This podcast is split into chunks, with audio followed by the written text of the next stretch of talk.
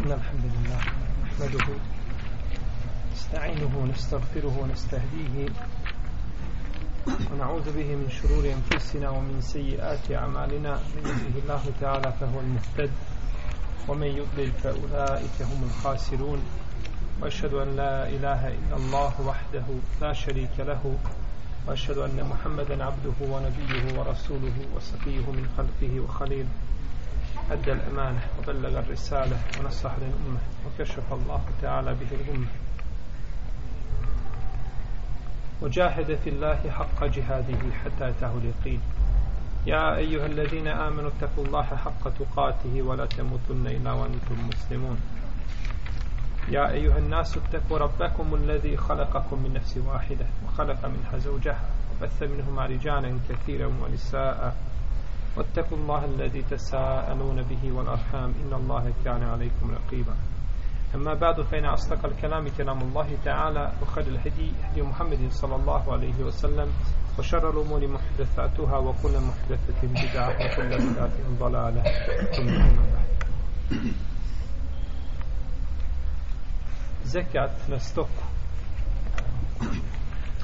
završili smo u zadnjem predavanju zekat na mehr, to je bilo zadnje o čemu smo govorili. Nakon toga je autor počeo sa poglavljem zekat na stoku. Islamski učenjaci su složeni da se zekat daje na deve krave i na sitnu stoku. Misli se ovdje na ovce i na koze. I spominjali su jeli, hadise koji govore o tome i njih ćemo spomenuti usput znači kada budemo objašnjavali ovo poglavlje. I hadisu su o tome prilično jasni. Razilaze se recimo da li treba davati zekat na konje? Da li se daje zekat na konje?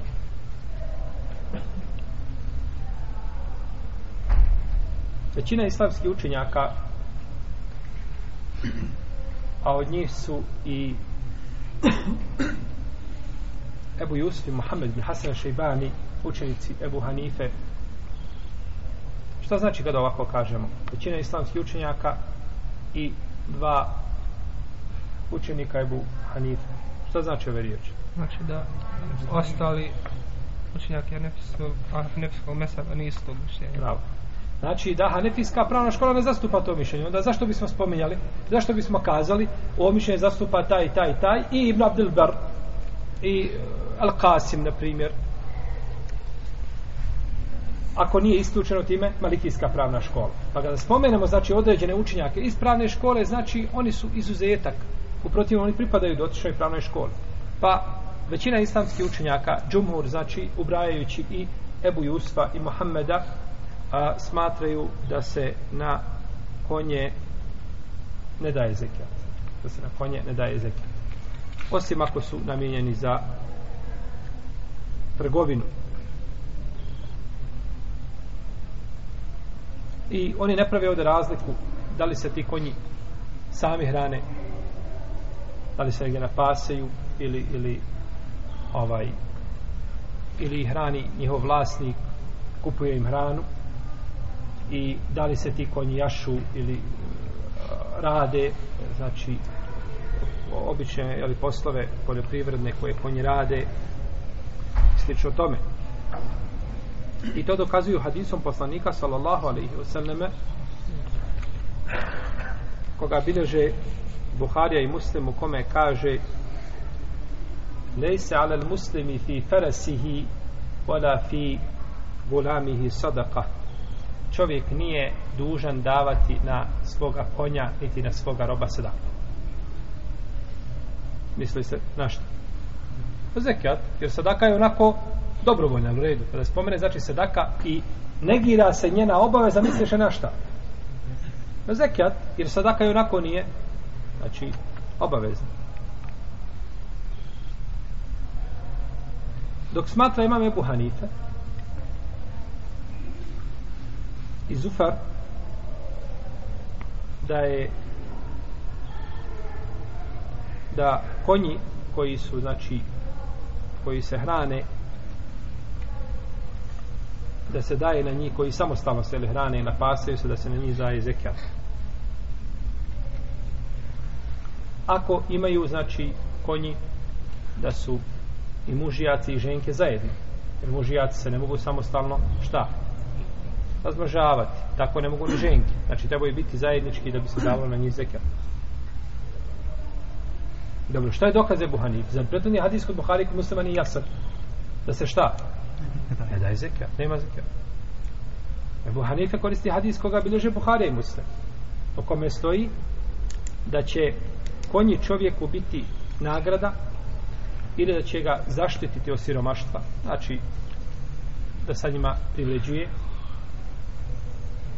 ili će mu biti grije znači može se čovjek lako griješiti šta o? O životinju. Može se griješiti o životinju.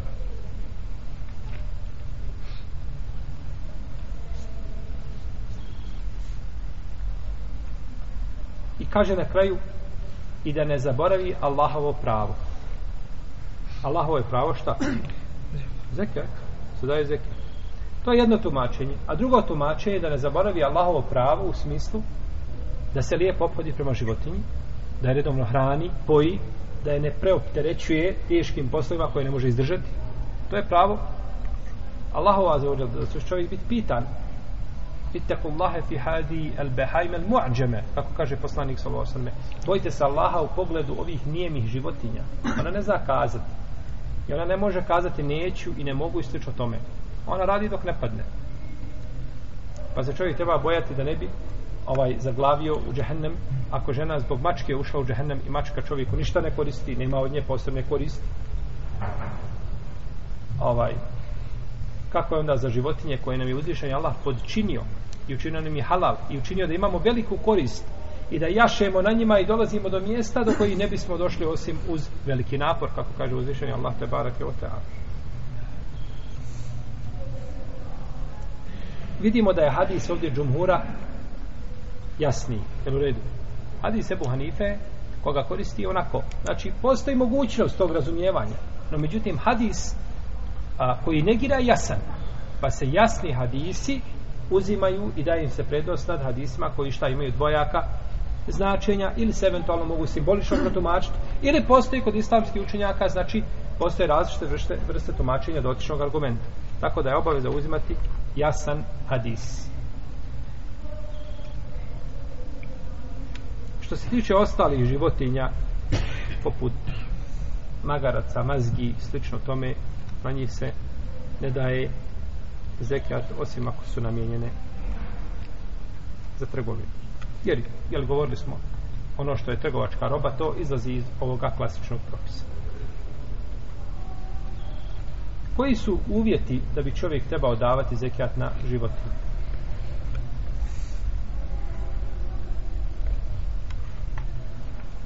prvo je da dostignu nisab i govorit ćemo o nisabu vidjet ćemo šta je to nisab kod ovih životinja. I da pregodine kod čovjeka. Da pregodine kod čovjeka.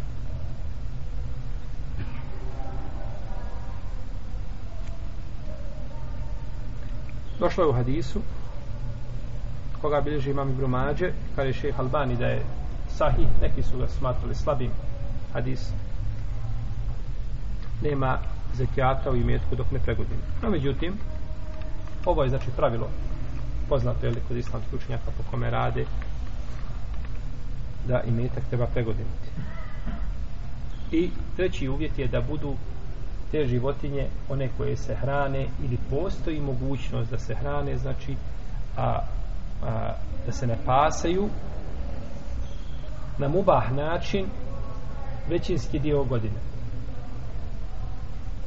To je znači od uslova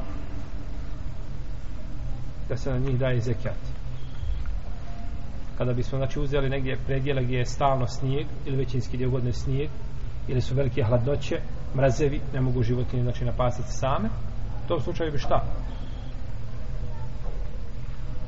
ne bi znači bilo zekijata na te životinje Jer braćo imetak da bi davao čovjek na njega zekijat mora biti zato se imetku daje mogućnost da se razmnožava, koji se može razmnožavati. Jer imetak koji se može razmnožavati, njemu se daje mogućnost razmnožavanja. Koji ne može, ovaj, on svakako ostaje, jeli, ovaj, ostaje i daje se zekijat od njega, kao na primjer na, na žitarice. Da budemo govorili, vidjet ćemo žitarice kada ubereš toga dana, daješ odmah šta? Zekijat. Pa to hakahu je ome hasadihi. Toga dana kada vadiš iz zemlje, daš žitarica, žitarica, ona se ne može više umnožiti. Gotovo je. Dok ako imaš 10.000 maraka, to se može umnožiti, je tako? Pa ti šarija da godinu dana vremena. Umnoži taj imetak, pa onda daj na njega, daj na njega zekijat. Imamo četiri vrste, u ome slučaju imamo četiri vrste stoke. Prvo, mislimo na stoku, na deve, na krave, na ovce i na koze. Prvo da je ona koja se samostalno hrani. Da je ona koja se samostalno hrani. Ili se napasa, jel većinski dio godine. I koja je namijenjena znači za razmnožavanje, a nije namijenjena za trgovinu. I na nju se daje zekijat. Imate životinju koju hrani čovjek, kupuje hranu. Na tu se ne daje zekijat. I imate životinje koje rade koje se iznajmljuju kao deve kada se iznajme da se rade ili konji koji se iznajme To je u naše vrijeme danas, znači, polako blijedi, polako, ali sigurno, znači, ovaj vid blijedi, no međutim, mijenjaju ga, jeli, savremena sredstva, poljoprivredna, traktori, slično tome, ali je to nekada, znači, e, bilo, znači, aktuelno i ljudi su iznemljivali životinje. I kod ovakve skupine nema zekijata kod većine islamskih učenjaka suprotno kalitijskim pravnicima i četvrto je da budu namijenjeni zašto? Trgovinu. Namijenjeni za trgovinu. Pa se smatraju trgovačkom robom. Pa se na njih daje zekijat. Ako napune, znači, vrijednosti sabat. Svejedno, hranila se same ili ih hranio njihov gazda, jahao i ne jahao i nema veze. One su šta? Trgovačka roba. Kupio je znači stado krava stado ovaca sa nijetom da ih proda. Sačeka znači da dođe vrijeme kurbana pa da ih prodaje. Dok je kupio s tim nijetom one su trgovačka roba. Bilo da ih da, da ih hrani on sobom da im kupuje hranu ili da ih koristi ili za bilo koju drugu svrhu znači da e, ovaj koristi a to neće ga znači osloboditi. Zekijat zekat na devet.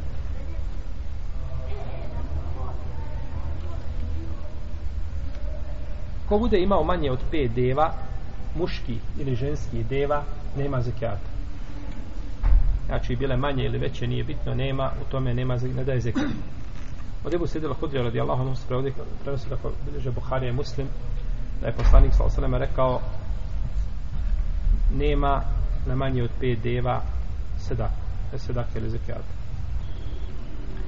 ono što pređe preko pet deva znači to na to se daje zekat i to se razumije iz ovoga hadisa. I to se razumije iz podužeg hadisa a, kada je Ebu Bekar radijallahu anhu napisao pismo od Enesa se to prenosi u kome je pisao pismo u Bahrein. Jedno mjesto koje je bilo poznato vrijeme nije onaj El Bahrein što je danas poznat jer kao država. Pa je rekao Bismillahirrahmanirrahim kaže ovo je farz sadake ili zekijata koga je propisao ili postavio poslanik sa osrem muslimanima pa tako postupajte i kod koga se bude tražilo ova količina neka da a od koga se bude tražilo više neka ne da. I onda je spominjao znači spominjao je nisab stoke. Pa ćemo mi nećemo čitati hadis u njegove ovaj obimnosti, nego ćemo samo pročitati ili spomenuti koliki je to nisab kod životinja, kada su pitanju, ili, ili konkretno ovdje kod deva. Od 1 do 4 ništa. Nema čega. Zakijat. To vam je kao ko ima 70-80 grama zlata. Nema zakijat. Od 5 do 9. Znači, od 5 do 9 je jedna ovca. Jedna ovca. Od 10 do 14 dvije ovce, od 15 do 19 tri ovce, od 20 do 24 četiri ovce. Od 25 do 35 jedna deva. Mla, mla, mla, mladunče ženka koja je napunila godinu. Od 36 do 45 ženka koja je napunila dvije godine i ušla u treću. Od 46 do 60 ženka koja je napunila tri i ušla u četvrtu godinu. I od 61 do 75 ženka koja je napunila četiri i ušla u petu godinu. 76 do 90 dvije ženke koje su napunile dvije i ušle u treću godinu. Od 91 do 120 dvije koje su napunile tri i ušle u četvrtu.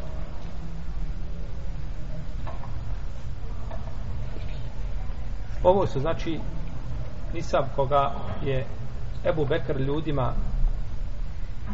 poslao im znači pismo sa ovim nisabom pripisujući ga poslaniku sallallahu alaihi sallam i nema razilaženja među islamskim učenjacima kada je u pitanju znači ovaj nisab. Složni su svi da je na je li da odgovara ome što smo spomenuli.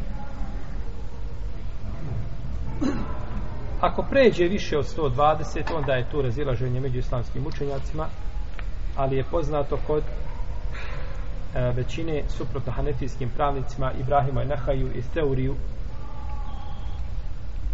da ide od 121 do 129 da idu tri koje su napunile dvije i ušle u treću godinu od 130 do 139 idu, ide jedna koja je napunila tri i ušla u četvrtu i idu dvije koja je upunila dvije i ušla u treću i tako do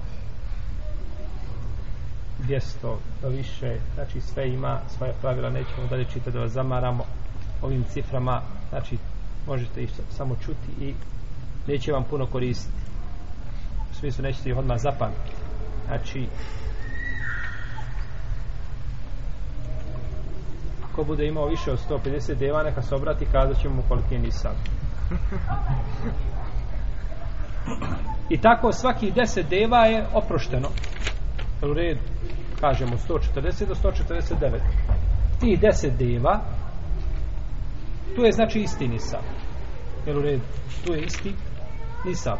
Kada pređe 10 više onda ulazi u novu znači kategoriju. I tada je poseban znači zekijat.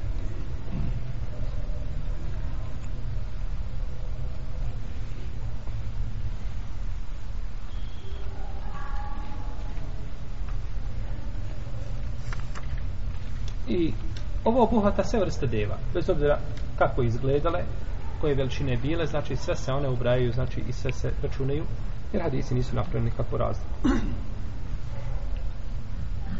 Čovjek je dužan da izdvoji devu koja je određene veličine ili starosne dobi, a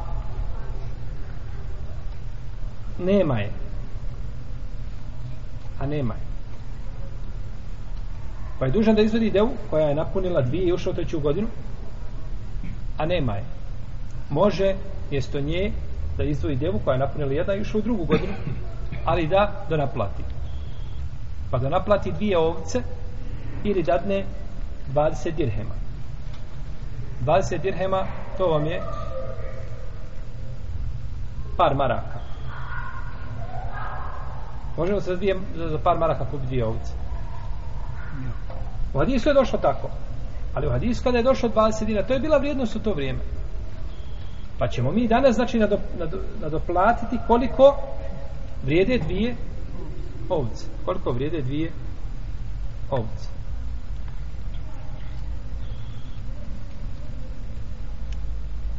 Ili da da devu koja je napunila četiri ušla u petu i da uzme dvije ovce ili 20 dirhama. U redu?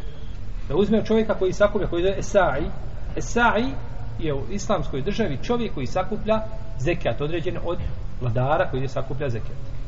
Zato, braću, nije dozvoljeno čovjeku da sam ode da sakuplja zekijat i kaže ja sam od skupine od amiline alejha i oni koji prikupljaju zekijat. I sam se mu uzima procenat. To je pogrešno. To je zabranjeno. Ti ne možeš sebi uzmeti procenat, nego ćeš ti doći i raditi i dobit ćeš platu. Evo red, mjesec dana radiš i dobiješ platu, duplo više nego drugi, nije problem. A nećeš dobiti nikakve procente. Jer kada se radi o milionima, taj da je 0,1% je tako puno. Bićeš odmah sutradan ti, onaj kome trebaju poslati da pokupi zekijat od tebe. Jel u redu? Do juče si bio siromašan, pokupio zekijat od ljudi i sutradan si postao čovjek od koga se uzma zekijat. Ne. To je pogrešno. Nema procenata, nego imaš određeno platu za ono što radiš uslugu, odeš kod protivnom obiđi par trgovaca dole po Kuvajtu i po Saudijskoj Arabiji i po Kataru. Ovaj, i da uzmeš reda i 0,1 koliko hoćeš nula opet na kraju ćeš ispred Boga. Zato što su veliki braće ljudi plaćaju zekijata po 20, 30, 40 miliona dolara. Znači to su ogromne pare tako da nema procenata nego čovjek ima određene znači da i ne može sva kupiti zekijat čovjeku nešto ovaj kaže ima pustiti muslimane daju zekijat i kroz selo ko će davati zekijat mora biti organizovano mora se znati ko prikuplja ko je kod koga dolazio koliko je prikupljeno kome će se dijeliti kako će se sve. Jer kada se kaže inneme sadaqatu lil fuqara wal masakin uzvišeni Allah kada spominje kategorije kome pripada zekijat pripada njima. Kako da znamo? Znači iz toga razumijemo da ima ima nekakva tabela na kojoj su napisana imena šta?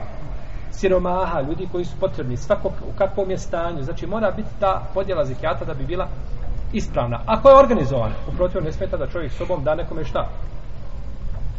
Zekijat. Ne smeta da čovjek sobom da nekome to nije znači ovaj sporno. Ali ako je organizovano i ako čovjek prikuplja onda mora biti to na jednom višem nivou i mora se znati šta je prikupljeno.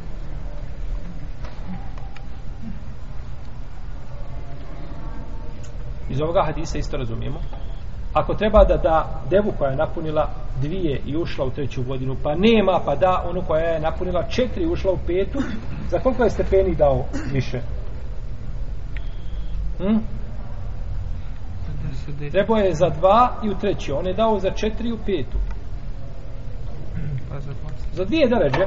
Prvi put je pilo za jednu deređu pa će dati šta? Dvije ovce i 20 din, e, dirhema. Sada je dao za dvije deređe. Nema takve. Ha. Sada će dati šta? Dobit će nazad u stvari. Četiri ovce ili 40 dirhema. Dobit će znači ovako. Četiri ovce ili protuvrijednost za četiri šta? Od čovjeka koji prikuplja zekijat. Baš tako. Pa znači nema znači nikakve nepravde u tome u tome pogledu. Ovdje samo a, izuzima se u ovome pravilu kada čovjek treba dati ženku koja je napunila godinu i ušla u drugu može za nju dati mužijaka koji je upotpunio dvije i ušao u treću godinu i ne, može, ne mora ništa da naplatiti niti će mu se išta vratiti. To je znači izuzetak koji je došao u hadisu Ebu Bekra radijallahu ta'ala anhu.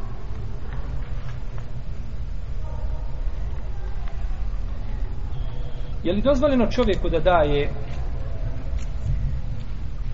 vrijednost ili više od onoga čime ga šerija duži? Čovjek koji daje više od onoga čime je zadužen može biti u jednom od dva stanja. Prvo,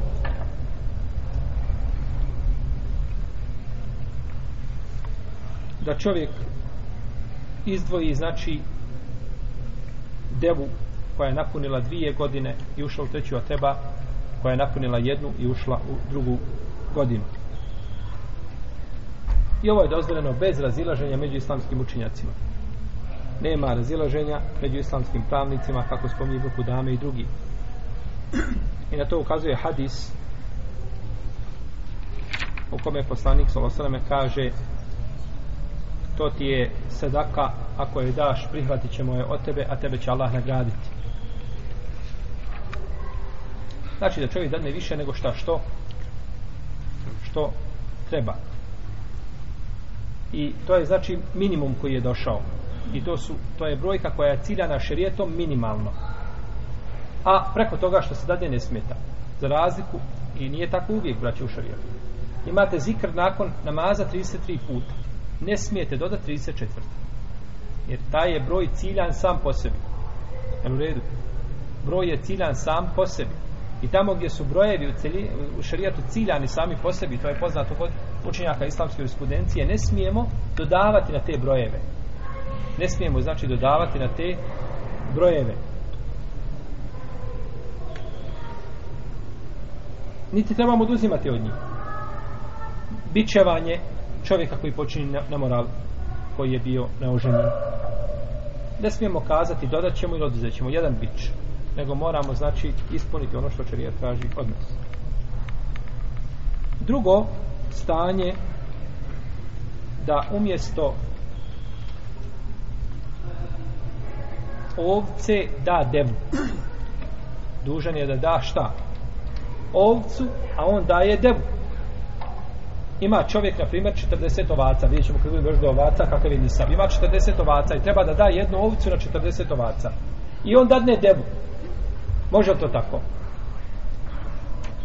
tu je razilaženje među islamskim učenicima u prvom slučaju nema čega spora trebaš devu od dvije godine ti daš od četiri ne smeta od četiri je vrijednija dao si od iste vrste i ne smeta međutim ovdje se mija šta poslanik kada je rekao da se na 40 ovaca daje šta je rekao jedna ovce. Dobro, kad čovjek dao dvije ovce, može li? Bez razilaženja. Ali da devu, jer od iste vrste? Je se izmijenilo nešto? Jeste, ima izmjene. Ima izmjene. Tako da je tu ovaj, kod jednog islamskog učenjaka, znači, jedni, jednog djela islamskog učenjaka, a, znači na stavu su da se ne može to mijenjati, odnosno mora se dati onako kako je došlo. Ebu Hanife i Šafija i po ispravnijem mišljenju malikijski učenjaci kažu da to može proći, da je to ispravno. Dok kažu Hanbelije da ne može. Jednostavno kažu došlo u šarijetu tako i nema promjene. Šarijet je došao čime? Da se daje ovca u tom slučaju. Ili da se daje deva. I nema promjene. I nema promjene.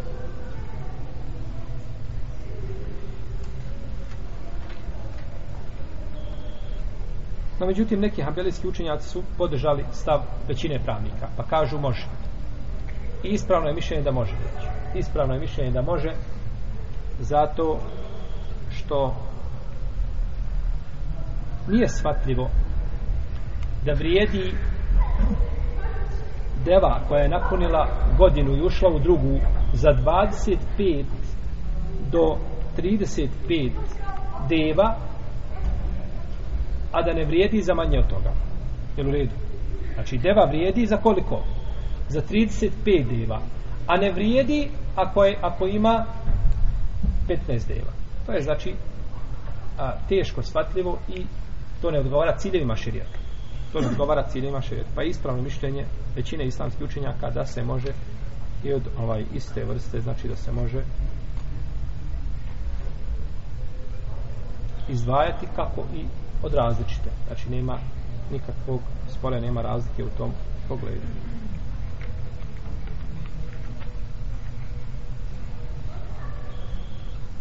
Nakon toga nam dolazi pitanje zekijata krava.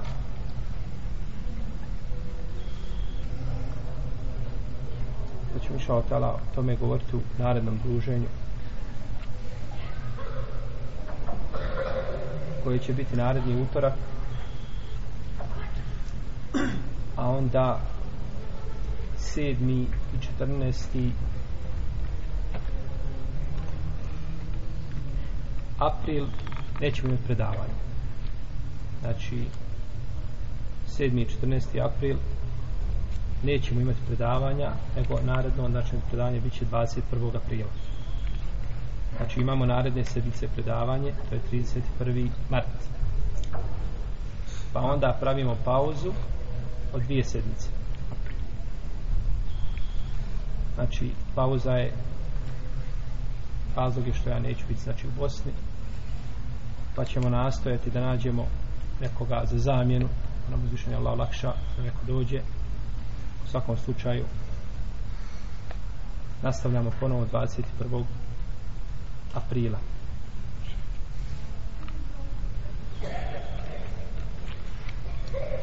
s tim da imamo znači u naredni utorak jel u redu u naredni utorak imamo 31. marta pa onda 7. i 14. aprila nemamo i ponovo imamo 21.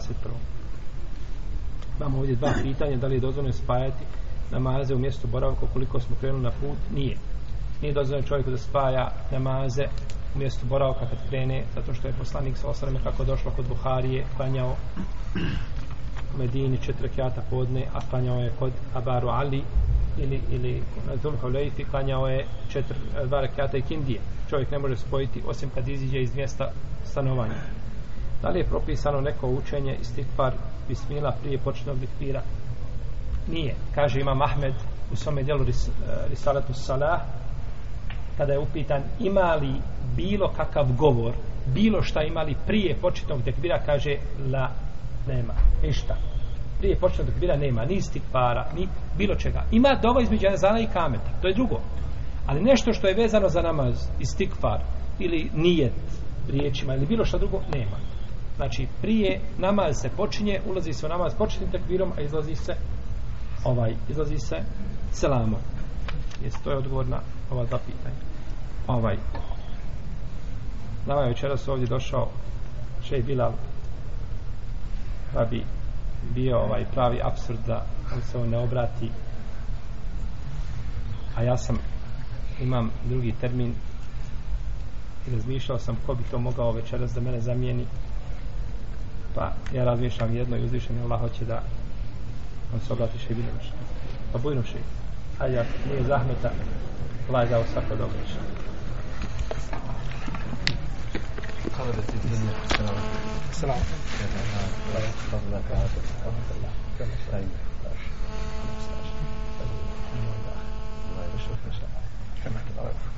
كم بقي من الوقت؟ Salam alaikum. Ovako se ulema snađe kad treba otići. Sam tu znaš. E. Koliko nam je ostalo od vremena? بسم الله والصلاة والسلام على رسول الله وبعد. اللهم رب اشرح لي صدري ويسر لي أمري واحلل عقدة من لساني يفقه قولي وبعد. Ovo je mufađa iznenađenje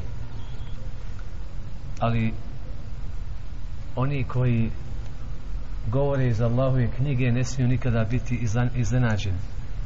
Jer Allah tebareke ve wa ta'ala kaže وَمَنْ ahsanu qawlan مِمَّنْ da'a ila Allah." Ko to bolje govori od onoga koji govori Allahovim govorom. Poziva Allah amila صَالِحَ Radi dobra djela, nije to zaboravio jer bez toga nema bereketa Wa qala innani minal muslimin. I potvrđuje da je i on od muslimana naprotiv on je prvi u djelu.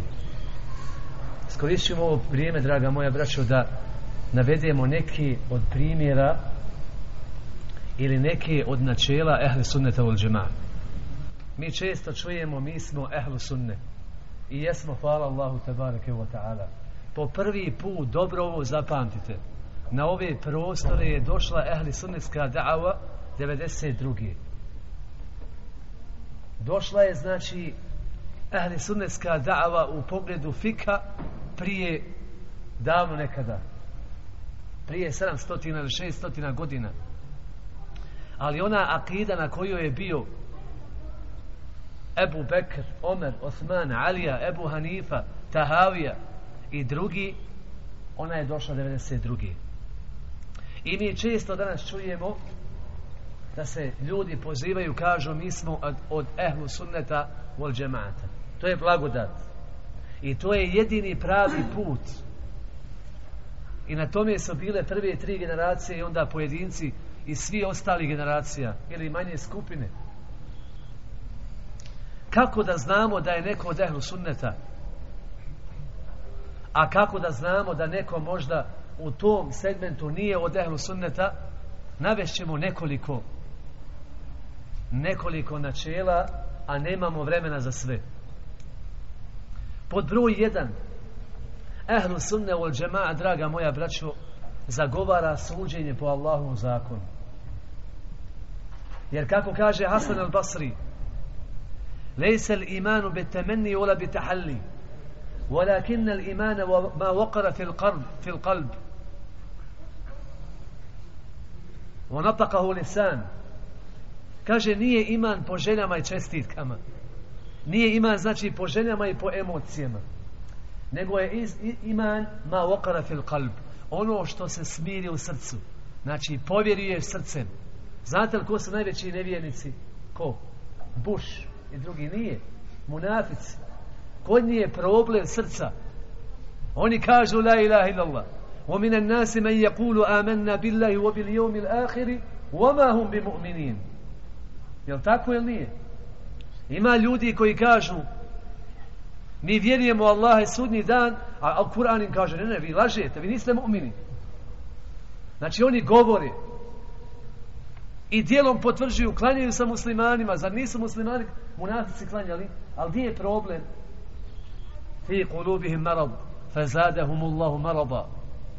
U njihovim srcima je marad, šta je marad? Kufr pa se taj njihov kufr povećava. I zato Hasan al-Basri kada objašnjava šta je iman kaže lejse l'imanu bi temenni wala bi tahalli walakin l'imana ma wakara fil qalb wa nataqahu lisan ono što se smiri u srca to je iman potvrdi ga jezik famen kale hajra wa amila hajra kubila minhu pa ko kaže dobro i uradi dobro i srcem i dijelom prima mu se ومن قال خيرا وعمل شرا لم يقبل منه ako kaže dobro a ne potvrdi to dijelima ne prima mu se i zato je ahlu sunnet kako kaže imam al-Bukhari sreo sam hiljadu učenjaka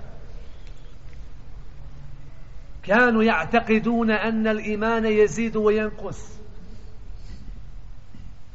وأن الإيمان قول والعمل kaže sreo sam hiljadu učenjaka svi su bili ubijeđeni da iman raste i opada i da je iman govor i dijelo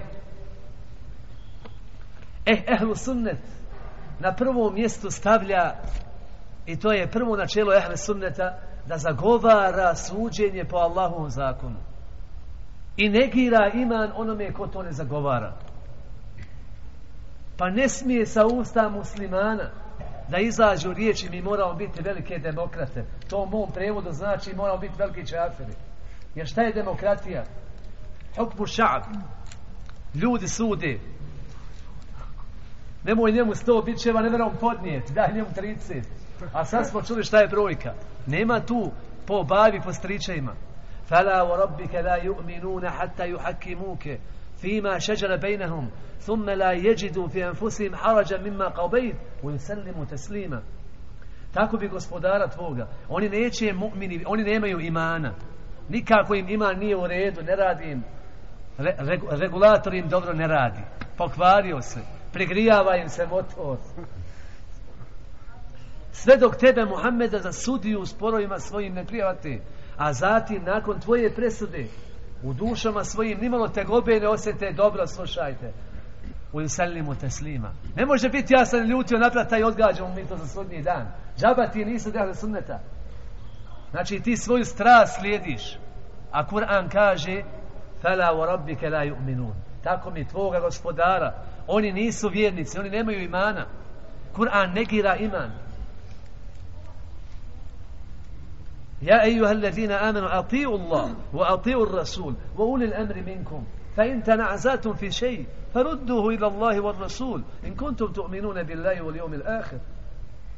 Pokorite se Allahu apsolutno. I njegovom poslaniku isto tako. I vašim predstavnicima. Nije rečeno apsolutno. Ako se negdje raziđete, vratite to Allahu i njegovom poslaniku. Vratite u šarijatu, suđenju, ako vjerujete u Allaha i sudni dan. Znači, kogod danas zagovara da je ahlu sunnet, ako ne zagovara suđenje po Allahovom zakonu, šta to znači? Mi realno razmišljamo. Mora u tvojoj kući da bude Allahov zakon. Ne može biti halifa u dimijama, bolan. Ne može. U veliku čast, to je tvoja hađinca išla na čabu i voli Allah, ali ona je u dimijama. Ne može ona biti halifa ti predsjednik vlade. Ne ide to nikako. Zato što kaže poslanik alaih salatu wasalam La yuflihu qawmun jer asuhumul mar'a neće uspiti narod u propaštene narod koga predvodi žena. Ja nisam hrabar, ali volim hrabre ljude. Znači, ehlu srne zagovara suđenje po Allahu zakonu. Ne mereš u Sarajevu, moreš na svojoj kući. Tu mora da sudi Allahu zakon. A ne ti kažeš, hajde brate moj rođeni da klanjaš, kaže, ne da ja imam dokaz iz Korana. Šta ti je dokaz? Kaže, la yukellifu Allahu nefsan illa us'aha. Allah nikoga ne potrećuje preko njegove mogućnosti. Njemu treba fetva ili letva, šta je misli? E, drugom kažeš, sine, hajde da klanjaš. Kaže, babo, la ikrahe fi din, kad te bejena rušto min al gajib. Nema prisile u vjeru, jasni put se jasno razlikuje o zabludi. Znači, ehlu sunne, jer danas, braćo, mi ovom našem pokretu imamo puno problema, ali niko se ne faća da riješi probleme. Mnogo muslimana ne govori, pa džaba možda klanjaju. Mnogo je, mnogo je ljudskih hakova zlo, znači, ovaj, uzopirano. Ko će to riješiti rijat? Alija i židov pred kadijom, šurejhom, halifa muslimana. Ali nemamo puno vremena da se proširivamo kod svake ove tačke. Tačka broj dva. Ehlu sunnet je, draga moja braćo, srednje puta u svemu. Geografski, kako kaže naš šeheh Ibn Qajim, kaže, ja'ala Allahu lil muslimine wasati hadil ard. Muslimanima je Allah odredio srednji dio ovoga dunjaluka. Vođale lil kufari atrafiha. A čafirima ostavio čoškove. Jeste li vi kad da ima neki poslani da se pojavio iz Finske? iz Italije, iz Austrije i Njemačke, iz Bosne. Ima lažni hadisa i o Bosne, znate li vi to? Kažu, ima lažni hadis, to je sa baš čašije. Kako je Muhammed Ali Sram kad išao na Mirađ, naišao preko Sarajeva. Po je Sarajevo rekao, divan li ovaj grad i pobožan je ovaj narod. Ako slađe na poslanika Ali Sram kako je došao oba sahiha, neka sebi pripremi mjesto u džehennemu.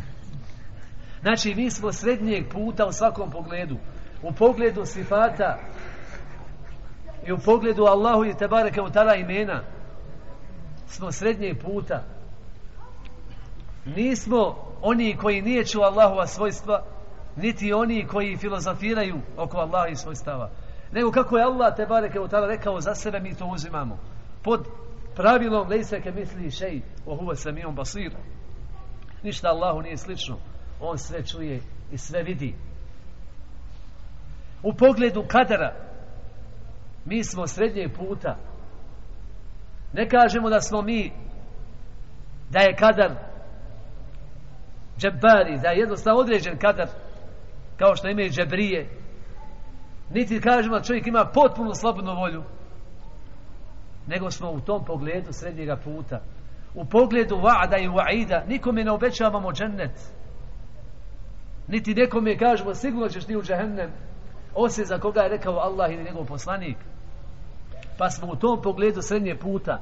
U pogledu firaka skupina koje su zabludjele mi smo između Haridžija s jedne strane i Murđija s druge strane koji kažu dijelo nije od imana bitno je da kažeš la ilaha illallah i ukradi god šta možeš. Jer djelo nije od imana po njegovom. Znači, mi smo ehlu srne srednjeg puta u svakom pogledu. Dalje, načelo ehlu sunneta, draga moje braćo, da mi stajemo kod dokaza. Mi smo ehlu delil. To ne znači da mi ne poštujemo akl, pamet, da mi ne poštujemo rej, mišljenje, da mi ne poštujemo kijas, naprotiv. Mi smo drogu zabranili kijasom. Nema je ni u Kur'anu ni sunnetu. I mnoge druge stvari smo riješili u našoj vjeri upravo tom analogijom. Ali nakon jasnog dokaza ne možeš kazati moj še kaže ovako. A moj še kaže nako, ali ne treba to svat, ovo je područje. Šljive nije područje datule. Nema tu palaho svojoj pameću davat prostora. Šta to znači da mi stajemo kod delila? Bilo koji delil, malo ovo prije smo naveli za namaz i ostalo. Ne, ne, ne, ne. Ehlu sunne uzima sve delile i stavi na hrpu. A onda te delile provuče kroz filtere. I na kraju donese, znači, rađih il qaul, najjače mišljenje. Najjače mišljenje. Znači, po svakom pitanju, mi nismo doni ljudi koji idemo naprijed, pa smo zglajzali i onda tražimo dokaz da opravdamo svoje stanje. Ne, ne, ne, ne. Mi stajemo kao što je rekla Ulema, jer je u ibadetima obavezan stop. Znači ima stop. O, u osnova je u ibadetima tahrim. Znači, haram je ibadet dok ne dođe dokaz. A halal je jesti pit dok ne dođe dokaz. Došao dokaz da je zabranjen ovaj magarac ili onaj, ne možemo ga više jesti. Ali u ibadetima je osnovi haram. Ne možeš ti krenuti u ibadet, a ne znaš je li došla, došla dozvola za taj ibadet. Ali da vas sada ne zamaram sa ovim usulskim pravilima. Da se vratimo dokazu. Znači, mi smo ehlu delil. Znači, stajemo kod dokaza. Dokaza koji je iz Kur'ana, sunneta, ižma'a, kijasa. I to je naša vodilja.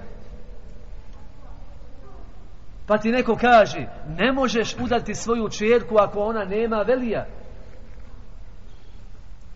Jer poslanik kada je salatu wasalam kaže kako je došlo u sahiju džamija. La nikaha illa bil voli. Nema nikaha osim sa velijom. Neko dođe pa čekaj. A ima u hanefijskoj upravnoj školi da može žena sama sebe da uda. Jesi to ti pametniji bila od Ebu Hanife? Ne Bože sačuvaj nego do Ebu Hanife nisu došli ove hadise. Kako to? Pa nisu došli hadisi ni do Ebu Bekra mnogi. Vi znate kako biljež imam i muslim o tifusu kada se pojavio da je Omer radijallahu ta'ala anhu i Ebu Ubejda ibn Žarrah raspravljali pa je došao Abdurrahman ibn Auf i rekao im hadis poslanika alaih salatu wasalam da je poslanik sam zabranio kada se pojavi u jednom narodu tifus da neko od, od toga naroda izlazi ili da neko ulazi tom narodu. Znači onaj ko je unutra ostaje sa njima i to je prelazna bolest. A onaj ko je vani neće ulaz da se zarazi. Omer nije znao za ovaj dokaz. U to doba nisu svi asabi znači imali mogućnost da dođu do svi dokaza. I tako će biti do kijameta. Upravo i prelazimo na sljedeću tačku kod Ehlu Sunneta, a to je da mi ne prepisivamo ismet nikome sem Muhammedu sallallahu alaihi wa sallam. Znači jedino poslanik kada je salatu wasalam ne može pogriješiti u pogledu objave, u pogledu dokaza. Svi ostali mogu pogriješiti. I zato je kazao mali riječi koje se zlatnim slovima treba ispisati min kulli yuhadu yured illa sahibi hadal qabr. Od svakoga se uzima i do i ne uzima osim od stanovnika ovoga kabura pokazujući na poslanika ali salatu wasalam Znači, mi smo ehlu delil. Pa je Ebu Hureyra naučio ajetul kursi od koga? Od šeitana. Od iblisa. Znači, našao je kod njega izgubljenu stvar muslimana, dokaz i uzeo je. I zbog toga mi stajemo kod dokaza i ne damo filozofiji da uđe. I ne smijemo, znači, se smijava sa dokazima ili šarijaskom terminologijom. Ja sam svojim ušima čuo doktora islamskih nauka koji kaže ova filozofija je sišla sa sedmog neba. To je pomen isto koga bi kazao ona kurva što radi tamo sa oproštenjem nekom hotelu, ona je hurija. Ili možemo krmka u kurban. Ne može. Ne smijemo, znači, terminologiju koristiti. Ne možemo vahi nazivati laži. Jer je laž filozofija. Petljanje. Bježanje od istine. Tako isto ne možemo šarijat nazivati demokratijom. Ne možemo kada samo mi da budemo velike demokrate. Mi možemo da kažemo, hajmo mi da budemo veliki mumini, a znamo mi šta proizvodi se i proizilazi iz imana, a šta proizilazi iz demokratije. Dalje, draga moja braćo, ahlu sunneti arhamu nas ili nas, kako kaže šehol islam ibn Tejmije i šehol islam ibn Qajim, mi smo ahlu sunnet najmilostiviji prema ljudima. Znači, nema kod ahlu sunneta žešćine prema vjernicima. I zato čim vidite nekome da mu je hijjama potrebna, iznate mu hijjamu, nemojte puno da mu stoji naprijed ta neka crna krv u njegovom licu. Iznate mu odmah hijjamu. Jer je ahlu sunneti arhamu nasirin nas. Oni su uvijek lijepog osmijeha. Oni su prijatni, oni su blagi. Muhammedur Rasulullah, والذين ماهو أشداء على الكفار رحماء بينهم mi smo samilosni prema čovjeku dok je u okviru islama dok se god okreće prema kibli. I ne žurimo da ga istiramo iz dina lako nego se nego žurimo da mu ne damo u džehennem lako. To je ehl sunnet. I kada bi mi braćo ova načela imali tako mi Allaha vidjeli bi kako ljudi ulaze fidin illahi efuađa u skupinama. Zato što je ovo ono što je za kratko vrijeme uvelo najoholije ljude na, Alba, na, na arapskom polotoku u islam. Ovo je slomilo Omera ova akida i ovaj menheđ. Ovo je slomilo Hamzu. Ovo je slomilo Halida ibn Velida. Ovo je slomilo Ebu Sufjana. Ovo je slomilo znači najveće silnike tog vremena. Zato što ova vjera svakvim metodama ostavlja ljude bez teksta. I za kraj pošto nemamo puno vremena ehlu sunnet yubeširune wala yunefirun yujessirune wala yuassirun yuseddidune wa yuqarinun. Ehlu sunnet olakšava ljudima. Ehlu sunnet donosi radosne vijesti i donosi radosne vijesti ljudima. Uvijek ima optimizam. ولا تهنوا ولا تحزنوا وأنتم الاعلون ان كنتم مؤمنين nemojte tugobati i nemojte se razočarati vi ćete pobijediti ako mu'mini budete al-aqibatu lil-muttaqin ولقد كتبنا في الزبور من بعد الذكر أن الأرض يرثها أن الأرض يرثها عبادي الصالحون mi smo u Zaburu zapisali posle znači kod Dauda alaih salatu wassalam da će zemlju naslijediti iskreni Allahu i pobožni robovi. Doće Islam i pobjeće Islam. Ali kojeg će Islam propovijedati Mehdija? Islam ehli sunneta vol džemaata. neće Isa alaih salatu salam reći ja sam od pet odabranih poslanika pa pomakan da je sa Efendija Mehdija malo učešak da ja ovde očejipim sa mihrabom. Neće.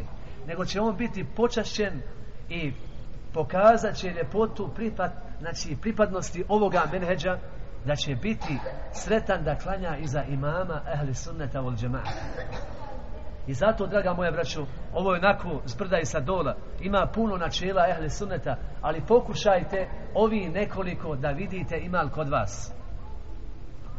Ima li kod vas zalaganje se sudi po Allahovom zakonu? Ima li kod vas davanje pameti prednost ili se staje kod dokaza? A mi ne negiramo akl. Ima li kod vas ima li kod vas tog, te milosti prema vjernicima? Ima li kod vas optimizma ili je gotovo? Često sjede sa bratom kako je ne volja ništa. Ma kaže ovo je sve za pobit ne ovo je propalo sve. Sjede sa drugim kod njega kaže kako je kaže Milina.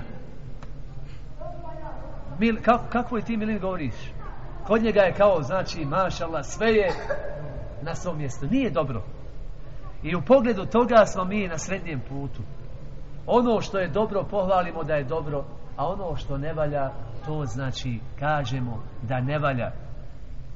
Zato, draga moja braćo, ehlu sunne, svojim načelima, počeo je da osvaja ponovo svijet. I zbog toga čuvajte se dvije krajnosti. Jedna je irđa, a jedna je haridžizam.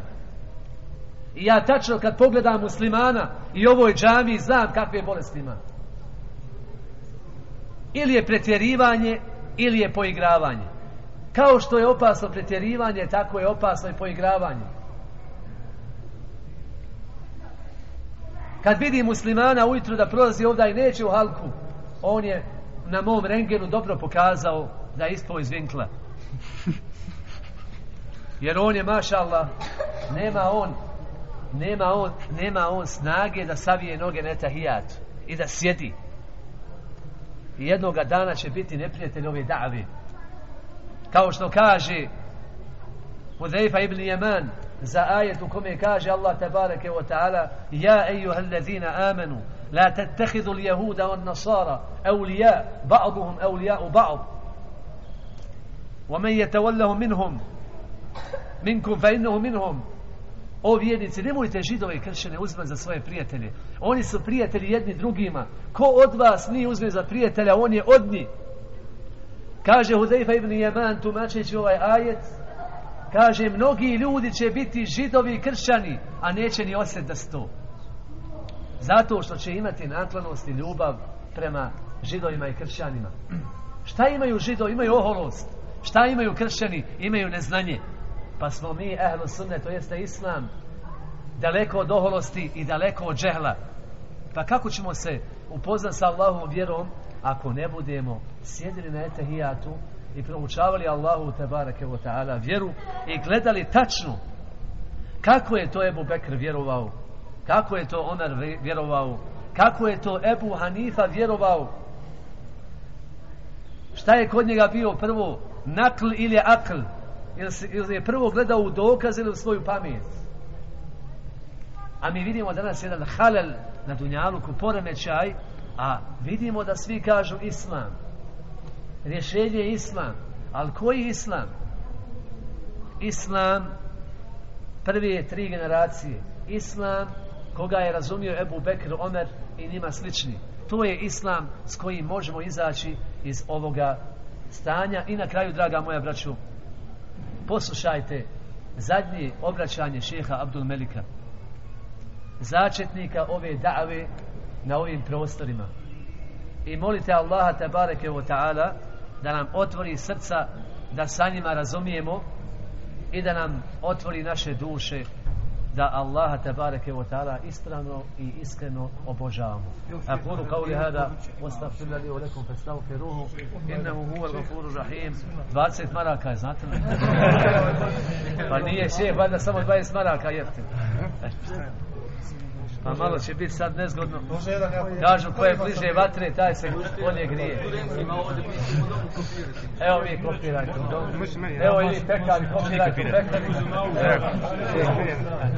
Ne, i ovi malo krajišnicima tamo.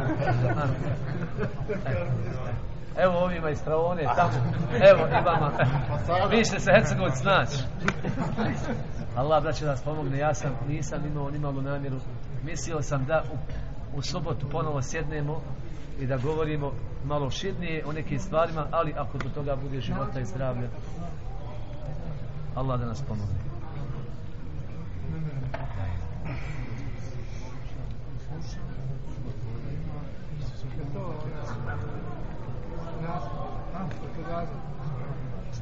Pokušajte, braća, vi koji ste domaćini, kad šeh Safet drži vaz ili neko, jer ovo su naučna predavanja, mora mozak biti, znači, puno skoncentrisan.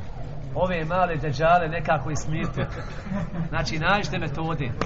Date im bombona, kupte im nešto, date babama njihovim para, nešto dadite, samo nađite metode da ne skaču, da ne remete ovaj, koncentraciju. Stvar nije zima još.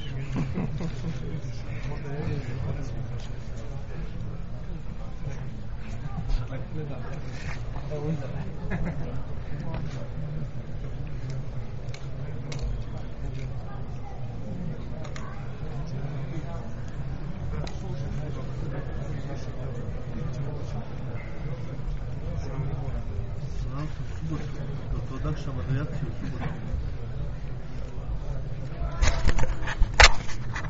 Jel, znam se odakšava